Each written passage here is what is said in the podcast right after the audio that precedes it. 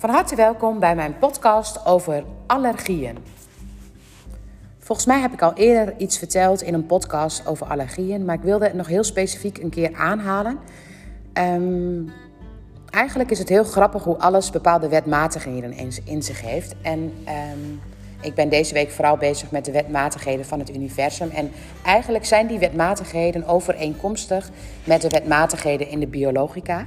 En um, het zijn echt wetmatigheden. Dus je kunt er niet omheen dat het op die manier verloopt. Nou, als je kijkt naar uh, de biologie en als je kijkt naar um, nou, eigenlijk ons oersysteem, dan uh, gaan wij het moment dat er gevaar dreigt. Als je kijkt naar het drie breinen model, daar zie je ook zeg maar in mijn podcast komt dat voorbij. Als je kijkt naar het drie breinen model, dan heb je als je in een spanning komt, zeg maar, uh, drie manieren om te gaan reageren. Dat is vechten, dat is vluchten en dat is verstarren. Oftewel, als er nu een leeuw binnen zou komen, gebruik ik één van deze drie strategieën om de grootste kans te maken dat ik niet opgegeten ga worden.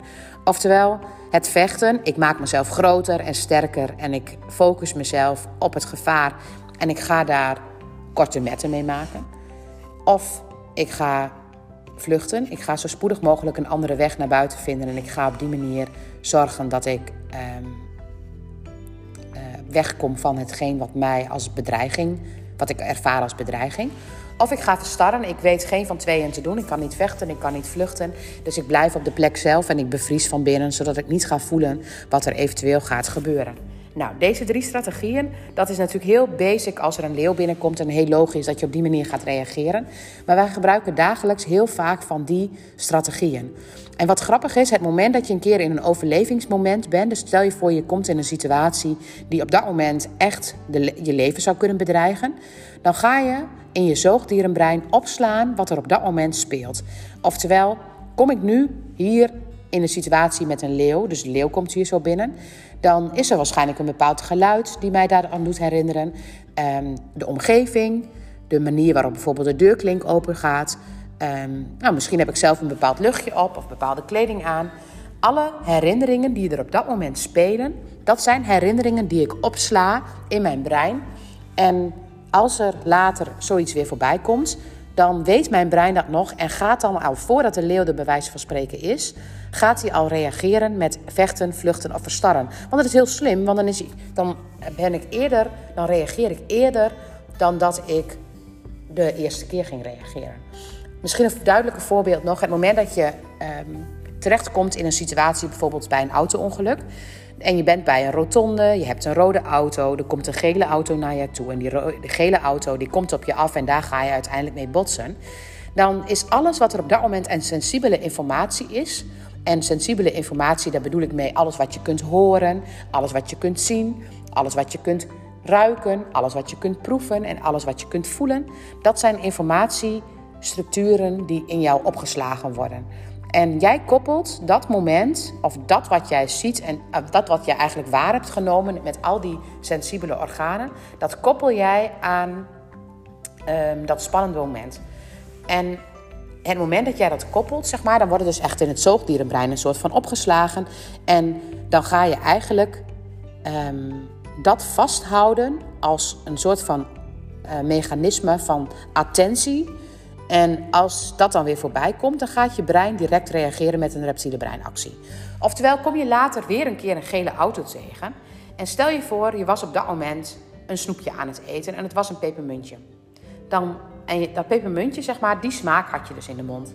Dan zou het kunnen zijn dat je de volgende keer heel heftig gaat reageren op een pepermuntje. Want je had die peper, dat pepermuntje in de mond. Jouw zoogdierenbrein heeft pepermunt opgeslagen als alarm. Het moment dat jouw pepermuntje is opgeslagen als alarm, dan neem je de volgende keer een pepermuntje. En het zou het zomaar kunnen zijn dat je lichaam gaat reageren met een vechtsysteem, dat hij histamine gaat maken, dat hij gelijk gaat reageren met een aansysteem. En dan denk je van, goh ja, maar het pepermuntje dat hoort daar niet bij. Maar het lichaam weet dat niet. Die heeft dat wel opgeslagen als informatie. En het lichaam zou hetzelfde kunnen reageren op bijvoorbeeld die gele, gele auto. Als hij de gele auto ziet. En hij zou hetzelfde kunnen reageren op een rotonde.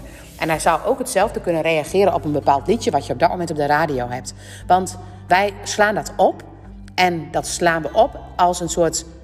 Um, nou, een screenshot, zeg maar. Het wordt eigenlijk wordt er een soort screenshot gemaakt. En dit screenshot, dat zorgt ervoor dat jij die herinneringen bewaart. En die herinneringen, die gaan uiteindelijk um, ervoor zorgen dat je direct gaat reageren met een efficiënte reactie. Terwijl ons brein denkt van ja, pepermuntje heeft daar toch niks mee te maken. Of een gele auto, het had net zo goed een blauwe kunnen zijn. Maar dat kan ons brein niet bedenken. Dus het is heel goed om te zien dat ons lichaam en ons brein ontzettend goed helpen. Om te zorgen dat wij niet in nare situaties terechtkomen. Maar het moment dat je ze gaat ontcijferen wat er geholpen wordt, dan blijkt het allemaal een beetje mee te vallen wat er misschien uh, hoe, dat, hoe dat helpt. Zeg maar. Dan is het eigenlijk heel primair hoe het lichaam helpt. En het is effectief, maar het zorgt ook voor verwarring. Als je dan weet dat heel veel allergieën daaruit bestaan, dan um, kun je eigenlijk al heel veel informatie halen uit uh, een allergie die er is. En het kan ook heel goed zijn dat, het, dat hetgeen wat er aan allergie is, dat daar een bepaalde symboliek op zit. Bijvoorbeeld melk, dat hoort ook bij, uh, bij troost als kind, zeg maar, aan melk aan de borst, zeg maar. Het, het voeden van uh, de, de moederenergie, zeg maar. Dus het heeft ook allemaal nog een extra laag. En het moment dat je zo kunt kijken, dan kun je ook zien dat het lichaam heftig reageert op iets wat wellicht niet zo heftig door het lichaam opgepakt hoeft te worden. En het moment dat je dat kunt zien, dan kun je ook um, de lagen eraf halen. Dan kun je daar um, dat inzichten in krijgen. Bijvoorbeeld bij boomnoten. Als je allergisch bent voor boomnoten, dat kan een symboliek zijn. Dat kan ook zijn dat je, op dat je een keer toen je een nootje at, zeg maar, dat daar in je voorgeschiedenis een. Um, nou, iets ergs was gebeurd, zeg maar. Dat dat iemand daarin stikte, dat kan natuurlijk ook. En dan zie je eigenlijk al, zeg maar, dat daar dus een acuut moment uit ontstaat. En dat erf je gewoon door, want het lichaam weet dat en die heeft het als imprinting. En je kinderen krijgen die imprinting ook. Dus zo ontstaan er steeds meer allergieën en steeds meer reacties op stoffen. En als je dan bijvoorbeeld kijkt naar bepaalde E-nummers, sommige kinderen kunnen daar helemaal niet tegen. Ik denk wel eens dat die kinderen um, uh, niet tegen het niet pure kunnen. Dat ze eigenlijk Ehm, zien dat bijvoorbeeld een ouder zich verliest in het niet puur zijn. En dat een kind dan juist heel erg graag pure producten wil, zo biologisch mogelijk.